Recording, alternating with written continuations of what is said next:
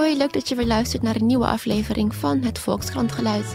Ik ben Laura van der Haar en vandaag zit Angela Wals bij mij aan tafel. Zij is eh, journaliste en deze week verschijnt er van haar hand een boek over het criminele verleden van haar vriend. Het is een soort journalistieke zoektocht langs uh, zijn handlangers, mededaders, maar ook langs zijn slachtoffers. Ze spreekt zijn familie, zijn hele omgeving eigenlijk. Het is een Zowel persoonlijk als journalistiek verslag. Heel interessant, spannend om te lezen, genoeg om over te praten dus. Maar eerst gaan we even luisteren naar het geluid.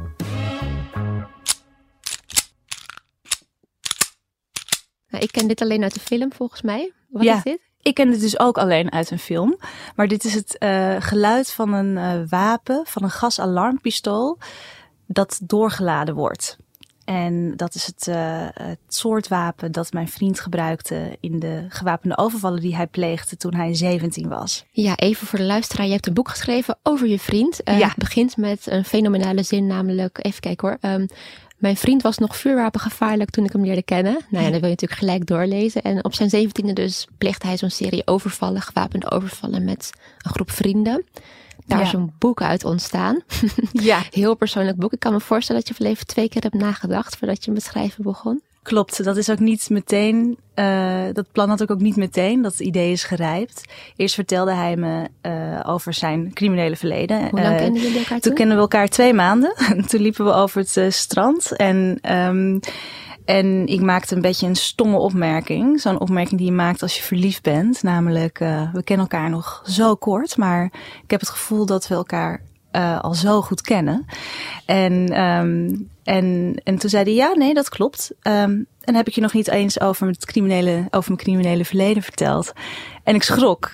Maar ik was ook meteen wel gefascineerd, want ik dacht... Dacht je toen nou, hey, hier is een verhaal in, want je bent natuurlijk journalist. Ja, toen op dat moment deed ik mijn uh, journalistieke opleiding. En inderdaad, dat uh, journalistieke hart ging meteen al kloppen. Dus direct al? Meteen, maar ik was ook zijn vriendin en ik dacht vooral... Nou, blijkbaar heb jij je tweede kans heel goed aangegrepen, want je hebt je leven op orde. Hij uh, was toen muzikant, dat is hij nu nog steeds. En verdienen ze geld op een legale manier. En een prachtige vriendengroep en een mooi leven, een lieve familie.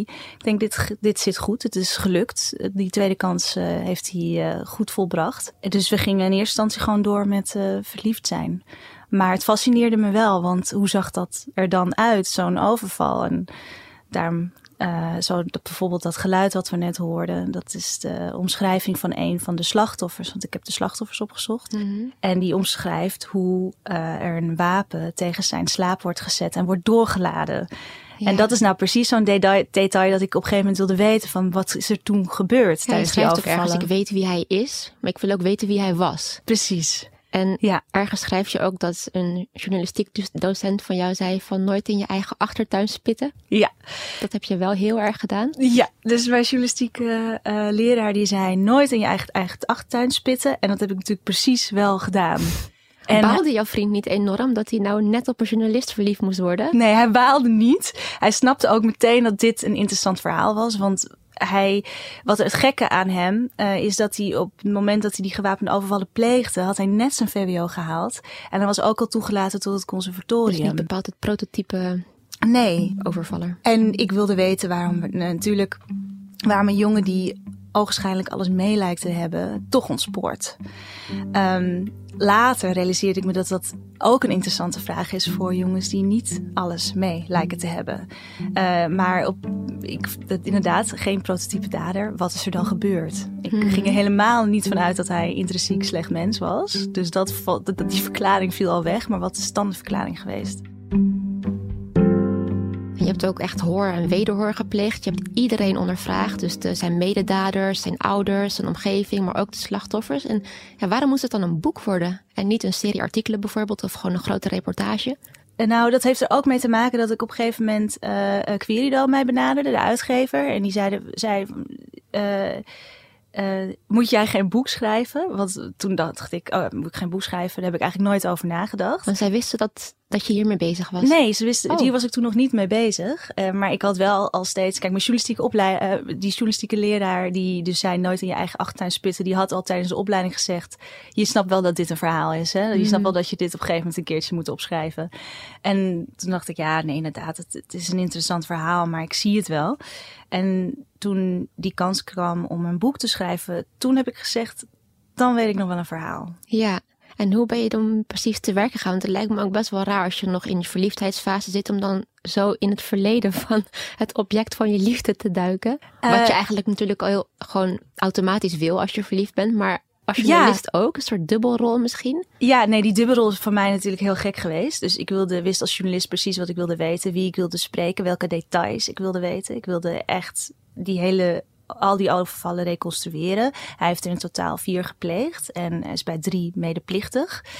Ehm, dus ik wilde, wat heeft hij gezegd, wat heeft hij gedaan? Nou, bijvoorbeeld is hij diegene geweest die het wapen tegen iemand slaap heeft geduwd en heeft doorgelaten. Dat, dat, dat fascineerde me. Dat, als journalist wist ik dat heel duidelijk. Maar als vriendin wilde ik inderdaad ook weten waartoe ben jij in staat. Zo'n geoorloofde manier om eh, je vriend even door te lichten. Ja, en dat is natuurlijk een gekke rol geweest. Maar het zijn wel ook de vragen die ik had gesteld als ik niet journalist was geweest. Ja, En want als- hoe verhoudt dat zich? Was het een ander, ja, natuurlijk was het een ander boek geweest als het niet over jouw vriend ging, maar kon je die afstand wel bewaren? Ja, het lukte mij heel goed om eh, eh, te schakelen. Ook, ook als ik mijn, interview, eh, mijn vriend interviewde, wat ik tientallen uren heb gedaan. Eh, hij was er overigens heel goed in. en Het is een goede verteller en hij was ook heel open. Ik kon dus goed schakelen. Dus elke keer als ik hem sprak, wist ik precies wat ik wilde horen. En ik durfde ook wel door te vragen over pijnlijke momenten. Ehm, eh, en dat lukte. En als ik eenmaal bij die, bij die slachtoffers zat, bijvoorbeeld. ehm, vergat ik eigenlijk helemaal eh, dat ik een van hun overvallers goed kende. Tot op het moment dat ik natuurlijk op een gegeven moment wel moest opbiechten dat dat dat zo is. Dat ik een van hun overvallers ken en heel goed Ja, ken. dat En dat een- was een gek moment elke keer in Mm. zo'n interview natuurlijk. Want je had bewust besloten om dat pas te doen nadat je hun verhaal had gehoord, hè? Ja, ik, ik dacht, hoe ga ik dit nou aanpakken? Ik wil weten wat er tijdens die overvallen is gebeurd. Maar veel belangrijker vind ik, wat zijn hun herinneringen aan die overvallen? Wat is het effect geweest op hun levens? En ik dacht, als ik meteen met de deur in huis val, dat ik eh, naast de journalist die overvallen reconstrueert, ook de vriendin ben van een van die overvallers. Ik dacht, dan klappen ze misschien dicht. En dat wilde ik wel heel graag voorkomen. Ik wilde niet hun herinneringen beïnvloeden.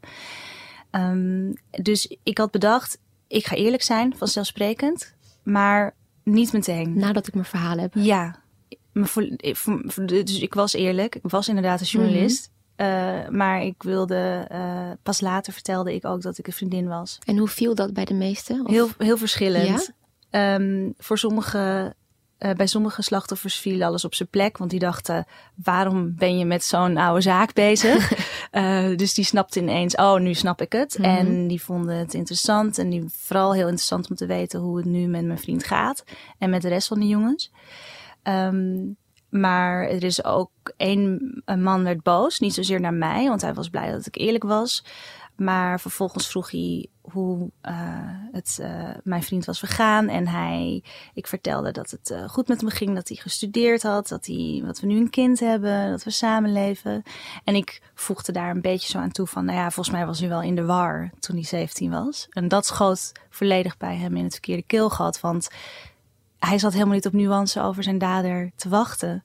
En hij was het slachtoffer en hij was de dader. En mijn Mhm. vriend was daar zelf bij. Het was een eigen keuze. En, ehm, en dat snapte ik ook heel goed. Deze was man had een ook, van de slachtoffers die er de meeste problemen aan het overhouden waarschijnlijk. ja, deze meneer, dat was de, een snackbar-eigenaar ehm, eh, van een, eh, een snackbar in een chique wijk in Arnhem. Het speelt zich af in Arnhem. In de Hoogkamp was, de, was die snackbar. En De Hoogkamp is die wijk. Ja, dus die wijk waar die snackbar was. En die is eh, overvallen in de zomer. En, ehm, en hij heeft daar heel veel last van gehad. Hij slaapt bijvoorbeeld nog steeds niet s'nachts, omdat hij te bang is thuis te worden overvallen. En hij moest ook, hij is ook vroegtijdig met pensioen gegaan, omdat hij dus na die overvallen met angst in zijn zaken stond. Elke avond ging hij de sluiten. Want normaal was hij tot 12 uur s'nachts open. Mhm. Ging nu voortaan 9 uur 's avonds dicht. Dus dat, geeft zoiets wel een diepere laag. Ja, Dat het nog twintig jaar lang doorwerkt, Ja. of misschien wel langer dus. Ja, en daar schrok ik ongelooflijk van. Ja, volgens mij is dat ook dezelfde man die ergens zegt van... ehm, het is een kwestie van karakter, of je Ja. concessies doet aan het kwaad of niet. Vind je dat zelf ook? Het daarmee eens? Ja, hij zei, er is het een, eh, precies, het is een kwestie, er zit een foutje eh, in het karakter van je vriend. Ja, want iedereen hij. kan die keuze hebben. Ja, En hij zegt, ik ben ook wel in verleiding gekomen om, om het fouten te doen. Mhm. Maar dat deed ik niet, want ik sta... Ik, eh, ik, ik doe geen concessies aan het kwaad, inderdaad. En ik snap dat hij dat zegt. Toch zie ik het toch niet helemaal zo. Alsof dan de wereld ingedeeld is in goede en foute mensen. En Of goede en foute keuzes eigenlijk. goede en foute keuzes, inderdaad. En dat je eh, alsof omstandigheden er helemaal niet toe doen. En inderdaad, dit, mijn vriend heeft dit gedaan en hij was er zelf bij. Maar omstandigheden speelden wel mee. Mhm. En dat gold ook voor zijn vrienden. Ja. Dus eh, ik kon daar niet helemaal in meegaan. Maar ik snapte wel heel goed dat hij dat zei. Want eh, hij had er ongelooflijk veel last van. ja, en als je dat dan hoort, heb je dan niet af en toe tijdens dat onderzoek, want je hebt dus meerdere slachtoffers gesproken, dat je heel erg de pest kreeg aan je vriend van wat hij heeft aangericht. Ja, ja. Dus, ja, dus die, bijvoorbeeld die eh snack, snackbar-eigenaar die zei... je bent gewoon een lul als je een overval pleegt. En dat is ook echt het eerste dat ik zei toen ik thuis kwam tegen mijn vriend. Je bent een lul. en dat hij een beetje zijn schouders ophalen en zei... oh, dat heb je zeker vandaag geleerd. ik zei, ja, dat inderdaad, dat heb ik geleerd. Want weet je wel wat je die man hebt aangedaan? Dus dan dacht ik wel echt... wat, je hebt geen idee. Het, je kruist je leven heel bruut voor maar een minuut met dat van een ander. Dan heeft die ander helemaal niet voor gekozen. Jij doet dat. En voor de gevolgen daarvan heb jij nooit meer hoeven meemaken. Maar die mensen wel. En ehm, dat, eh, dat vond ik lastig. Ja, dat vond ik lastig. En daar confronteerde ik hem ook mee. Dat staat volgens mij ook op de achterflap van je boek, van dat je toch wel het aspect spijt een heel klein beetje bij hem mist. Ja, ja dat, ik ging ervan uit, en ik denk dat heel veel mensen dat hebben, dat als je iets doet dat niet mag, dan eh, krijg je daar straf voor en dan toon je berouw. En dat is precies eigenlijk wat we van mensen, van misdadigers verwachten. Ehm, en ik had niet het idee dat hij dat helemaal, dat rijtje had doorlopen. Ja, hij was gepakt, hij had ge- in de gevangenis gezeten. Gereflecteerd aan de hand van zijn Ja, dagboeken. En, eh, precies, Dat heb je ook in je boek verwerkt. Ja, hij heeft eh, gevangenisdagboeken bijgehouden waarin hij heel erg probeert te achterhalen wat is nou eigenlijk misgegaan en wat is nou natuurlijk een goudmijn voor jou was. Ja, ik was wel heel blij met die primaire bron. Ja, dat, is- dat heb ik er dus ook integraal in gezet in het boek. Ehm, ehm, maar ik miste steeds eh, spijt. Dacht, dan heb jij überhaupt wel, wel spijt? Want als bijvoorbeeld eh, ik terugkwam met een verhaal van een slachtoffer en dat was lichtelijk overdreven. Bijvoorbeeld als zijn straffen eh, kleiner waren gemaakt en zijn daden groter In de woorden van het slachtoffer. in de woorden van het slachtoffer, dan vond hij dat vooral heel vervelend. En dat ik dacht, ja, maar dat los van dat iemand eh, niet helemaal de feiten op een rij heeft, gaat het er toch vooral om dat, dat ze er nog steeds last van hebben. Mhm. Tien jaar daarna of twintig jaar daarna. En, en hij zegt, ja, je hebt gelijk. Ik vind het lastig om iets te voelen wat echt op medeleven lijkt. En veel later sprak ik een ehm, gevangenis, zijn gevangenispsycholoog, die bij hem een persoonlijk onderzoek heeft verricht toen hij in voorarrest zat.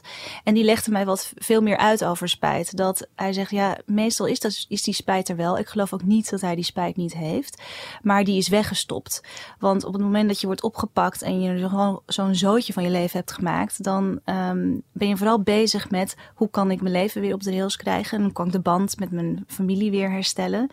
Ehm, en daarin is uh, zijn energie gaan zitten. En aan de Mhm. daden, kon, die daden kon hij niet meer terugnemen. Ja, ja, ja. En um, bovendien staat spijt ook, uh, de mate van spijt staat in verhouding tot hoe goed je het slachtoffer kent. Oh, En dat wist ik, dat, dat klinkt heel logisch, maar dat had ik me ook nooit zo gerealiseerd. Hij kende zijn slachtoffers natuurlijk ook niet. En hij heeft daarna ook nooit meer met ze te maken gehad. hij heeft nooit meegemaakt wat het voor ze betekend heeft Precies. natuurlijk. Ja. Maar dat het er wel degelijk zit, bleek bijvoorbeeld uit dat uh, toen zijn oma tien jaar na zijn eigen overvallen was overvallen in haar eigen huis. Ze was door drie meisjes naar binnen geduwd, op de grond geduwd en toen zijn al haar sieraden weggehaald. En dat vond mijn vriend echt verschrikkelijk. Toen pas re realiseerde hij zich wat hij zijn eigen slachtoffers had Het is aangedaan. eigenlijk wel raar in het strafsysteem dat je dus toch op een bepaalde manier niet geconfronteerd wordt met de nawerking van je daden. Ja, dat word je wel, want uh, in dit strafsysteem, want tegenwoordig is er ook veel meer aandacht voor het slachtoffer in de rechtbank, dus die mogen hun woordje doen. En um, hij is bijvoorbeeld wel langs middelbare school gegaan, uh, direct al na zijn voorarrest. Dus toen moest hij zijn straf nog uitzitten om over zijn daden te praten. En, maar het focust meer op het daderschap. Klopt, dat is waar. Ja, dat is waar. En uh, ik weet zeker, zoals die gevangenispsycholoog die ik heb gesproken, die zei ook van het is eigenlijk bijna altijd helend als een slachtoffer met de dader wordt geconfronteerd. Niet dat dan daarmee de daad wordt genuanceerd, want die is er. Maar het helpt vaak een slachtoffer om te zien dat daar dus een mens achter steekt. Dat is misschien ook een beetje uh, jouw invalshoek voor het boek geweest, toch? Kreeg ik het idee dat je ook het, zeg maar, het, het stigma misdadiger of overvaller of überhaupt dader toch ergens wilde nuanceren? Ja, nou, ik wilde weten wie daarachter staken. Het gold ook voor zijn vrienden. Want kijk, ik kon natuurlijk niet uh, dit verhaal schrijven met het stigma gewetenloze misdadiger. Want ik hield van, van die ja, vader van mijn kind. Ik hield, ik hou van hem. Dus ik moest wel uh, verder kijken dan dat. En, uh, um, maar tegelijkertijd wilde ik natuurlijk de slachtoffers net zo'n podium geven. En ik, ik, ik dacht ook, de, die vriendschap die uh, mijn vriend omschreef met zijn vrienden, die klonk ook heel hecht. Ik denk, ja, hij heeft ook niet, hij heeft ook die vriendschap niet gehad met ook gewetenloze jongens. Dus. Mm -hmm ja, het is logisch dat in uh, uh, normaal gesproken het perspectief van het slachtoffer heel veel aandacht krijgt. En dat vind ik heel terecht en dat is ook heel goed. Uh, maar wat een dader is en waar een dader uit opgebouwd is, dat is vaak wat vlak. En ik was genoodzaakt dat helemaal in te kleuren. En denk je dat dat opengooien daarvan ook iets meer begrip bewerkstelligt over daders? Nou, ik denk misschien. Nou, begrip Nee, ik hoef niet. Ik snap heel goed dat er niet altijd begrip is voor een dader. Maar het kan interessant zijn om te weten uh, wat een dader maakt. En dat het uh, een combinatie is van de keuze die een dader maakt en de omstandigheden waar die in zit en het toeval. In mijn mhm. geval van mijn vriend ook gewoon toeval. En um, ja, we worden natuurlijk niet allemaal slecht geboren. Nee, dat schrijf je volgens mij ook aan het begin. Dat is misschien wel je basisvraag van waarom doen we elkaar bewust pijn? Ja. Heb je daar een antwoord op kunnen vinden? Ja, dat is, dat is een beetje de basisvraag van mijn leven. Oh. dat vind ik dus nou, een heel inter... een mooi iemand op je pad. ja, precies. Dat, die werd zomaar in dader in mijn schoot geworpen. terwijl, ik, terwijl ik daar altijd al geïnteresseerd in was. Um, ja, dat, dat, dat vind ik dus een heel interessante vraag. En dat is niet zozeer een moralistische vraag. Het is echt een oprechte interesse, mm naar menselijk handelen. Uh, dus elke keer als je het nieuws kijkt, dan denk je, wat een ellende. Mm waar, waardoor uh, is dat gevoed? Waarmee is dat gevoed, die uh, ellende en die handelingen? En ik leerde tijdens mijn master, Holocaust en Genocide, heb ik dan ook nog eens gestudeerd. Oh, kijk, ja. um, dat het, um, wil je een dader begrijpen, dan heeft het dus niet zoveel zin om als monster te zien. Het kan misschien zijn wel monsterlijke dingen die hij heeft gedaan, maar ja, zie het als monster, dan ga je nooit een, een, een, eh, een verklaring vinden waarvoor hij dat doet. En um, dat is wel ook mijn uitgangspunt geweest voor het schrijven van het boek, ja. Om ze als mens te blijven zien. Ja, om te kijken wat een andere verklaring is. Ja. ja. En? Heb je hem gevonden? Ja, het is een cocktail. Dus karakter, zijn karakter speelt mee. Mhm. Absoluut. Uh, een jongen die, uh, een gevoelige jongen, slimme jongen die altijd de grens opzocht. Ook al ver voordat hij uh, gewapende overvallen ging plegen. Hij brak ook altijd van alles. En nu nog steeds. Hij kan echt geen muurtje of hekje voorbij lopen zonder erop te springen en te balanceren.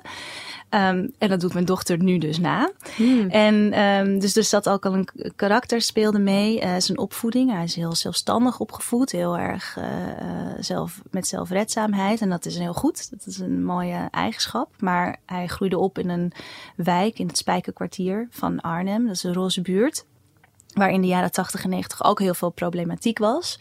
Uh, drugsproblematiek. En, en uh, hij zat op een zwarte school waarin veel kinderen uh, um, zaten met um, uit probleemgezinnen. Mm -hmm. En die spanning van die wijk die trok hem aan.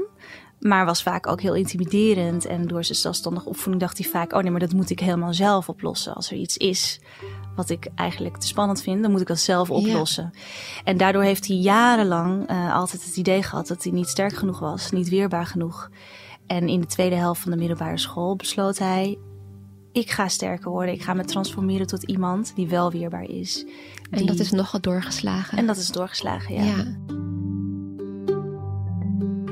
Ben je zelf ook een beetje in het reinen gekomen door dit onderzoek met het verleden van je vriend? Of was het echt puur journalistiek? Ik was meteen al wel in het reinen met zijn verleden. Het moment dat hij het vertelde? Ja, want ik dacht, ik hou van je. Dat wist ik al.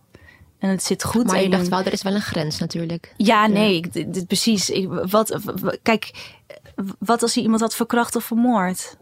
ja, daar kan je natuurlijk ook van Ja, houden. als het vijf jaar geleden gebeurd was, dat lijkt me ook een ander verhaal. Ja, als, hij nog, als het nog zijn criminele verleden nog steeds leefde. Ja, dat, is, dat, dat was misschien dan wel een grens geweest. Maar ook, ook dan kan je van iemand houden natuurlijk. ja, dus daar, ja. daar weet ik, durf ik niet helemaal antwoord te geven op je vraag. Omdat eh, ik was meteen al... eh, eh, ik dacht al meteen zoiets van, nou, dit is geen dealbreaker. En zeker, het had ermee te maken dat hij 17 was. Dat het al zo lang geleden was. Dat hij zijn straf had gekregen. Dat is, vind ik ook heel belangrijk. Dat je berecht bent voor wat je hebt gedaan. Mhm. En eh, dat hij er zo eerlijk over was, open, goed over kon praten. Dus dat hielp allemaal. Daardoor kon ik het meteen plaatsen. Ja, maar ben je hem wel anders gaan bekijken misschien? Eh, Door het uitgebreide onderzoek. Je weet ook veel meer over hem dan je normaal gesproken zou weten waarschijnlijk. ja, ik ben vooral beter leren. Ja. Ik heb vooral zijn jeugd heel goed leren kennen. En dat vind ik eigenlijk een cadeau. Dat ik Mhm. nu zo goed inzicht heb gekregen hoe zijn jeugd eruit zag. Ja. En eh, ik begrijp hem beter. Dat klopt. Hmm. Ja, ik begrijp beter. ehm, wat, ik begin, begin, begrijp zijn emotionele leven ook veel beter daardoor. Ook nu. En andersom ook? Want jullie hebben natuurlijk wel een scheve verhouding nu. Jij weet alles van Ja, hem. ik heb op een gegeven moment ook wel een keer tegen hem gezegd... Ja, je vraagt eigenlijk nooit iets over mijn, mijn, mijn jeugd. Ehm, en toen keek hij me een beetje gek aan van... Ja, maar jij schrijft toch dat boek? Ehm, nee, dat klopt. Eh, eh, nee, want ik uiteindelijk... Kijk, hij heeft gewapend overvallen gepleegd. En ik heb echt zo'n veilige, saaie jeugd gehad. Ik, ik heb nooit iets crimineels... Nee, het is. Nee, ik ben zo. Ik schrijf op een gegeven moment ook. Ik ben zo braaf dat ik me er bijna voor schaam. Eh, dus het was ook. Het verschil was heel groot. En hij in een stad, in een, eh, in een roze buurt opgegroeid. En ik in een dorp met 1200 mensen. Waarin echt helemaal niks gebeurde. Ehm, Match made in heaven. ja, maar dan nog, alsnog eh, herken je gewoon heel veel worstelingen in de puberteit. Dus alles waar mij hij mee heeft gezeten, herken ik ook wel een beetje. Het idee dat je harder wilt worden, dat je sterker wilt zijn dan je omgeving. En dat je aansluiting zoekt bij je omgeving. Want dat is ook echt een thema van, van, van zijn jeugd. Ik probeer aansluiting bij, zoeken bij mijn omgeving, maar het lijkt maar niet te passen en te Ja, lukken. ja. Eh, dus dan gooi ik mijn leven maar om, zodat het wel past. En ehm, dat herken ik wel. En ik denk dat heel veel mensen dat herkennen. vrij bazaal waarschijnlijk, ja. Ja, dat is, dat, dat is denk ik ook gewoon het klassieke coming-of-age verhaal. Ja. Nou, dit is jouw eerste boek. Ja. Heb je nu de smaak te pakken gekregen? Ja, Ja? nou, ehm, ja en nee. Ja, omdat ik het schrijven, eh, ik heb er een jaar aan besteed en het schrijven echt geweldig vond. Dus eh, eh, het in een bubbel kruipen en in zo'n verhaal afdalen. En je wordt het boek op een gegeven Mhm. moment. Je, je leven raakt vervlochten met het boek. Dat vond ik een mooi proces en ook het tempo daarvan. Maar nu ik eenmaal om die steen vandaan ben gekropen, eh, vind ik het eigenlijk allemaal doodeng. Eh, dus die, eh, de publicatie, die is vandaag. En dat het boek de wereld in wordt gestuurd. En ik heb op een gegeven moment het manuscript ingeleverd. En toen realiseerde ik me ineens dat ik dus een boek over het verleden van mijn vriend heb geschreven. En toen heb ik wel een kleine paniekaanval gehad. Ehm, maar ik sta Ja, het er had ook gewoon een artikel kunnen zijn in een krant die al lang vergeten was. Ja, maar nu zit precies. er een kaft omheen en iedereen kan het uit elke boekhandel pakken. Ja, dat. En, eh, en, en ook eh, artikelen hebben tegenwoordig een vrij lang leven, omdat Ja. alles gedigitaliseerd is. Je had het gewoon ook niet kunnen doen, heb ik op een gegeven moment bedacht. maar toen had ik het al helemaal af. Eh, en toch ben ik heel blij dat het, dat het er is, want het is een, een mooi verhaal geworden. En ik denk dat, ondanks dat het vrij extreem is wat hij heeft gedaan, uiteindelijk je jezelf er best wel in kan herkennen. Ja. Mhm. Heel erg bedankt dat je hier wilde zijn vandaag. Graag gedaan. En heel veel succes met alles. Dankjewel. Dankjewel, Lara. Dankjewel voor het luisteren naar deze Volkskrant Geluid. Volgende week zijn we er weer op Soundcloud, Spotify of iTunes. En voor je ons nou gelijk wegdrukt, nog heel even dit. Corine Kolen, bekend van de Volkskrant magazine rubriek Lust en Liefde, gaat een podcast maken en is daarvoor nog op zoek naar koppels met bijzondere verhalen. Bijvoorbeeld over overspel, ziekte, een kinderwens, uit de kast komen, een groot leeftijdsverschil enzovoorts. Ben jij een koppel met een bijzonder verhaal of deel van een koppel met een bijzonder verhaal en zou je dat anoniem willen delen? Geef je dan op via lust.volkskrant.nl. Dat was het. Tot de volgende keer.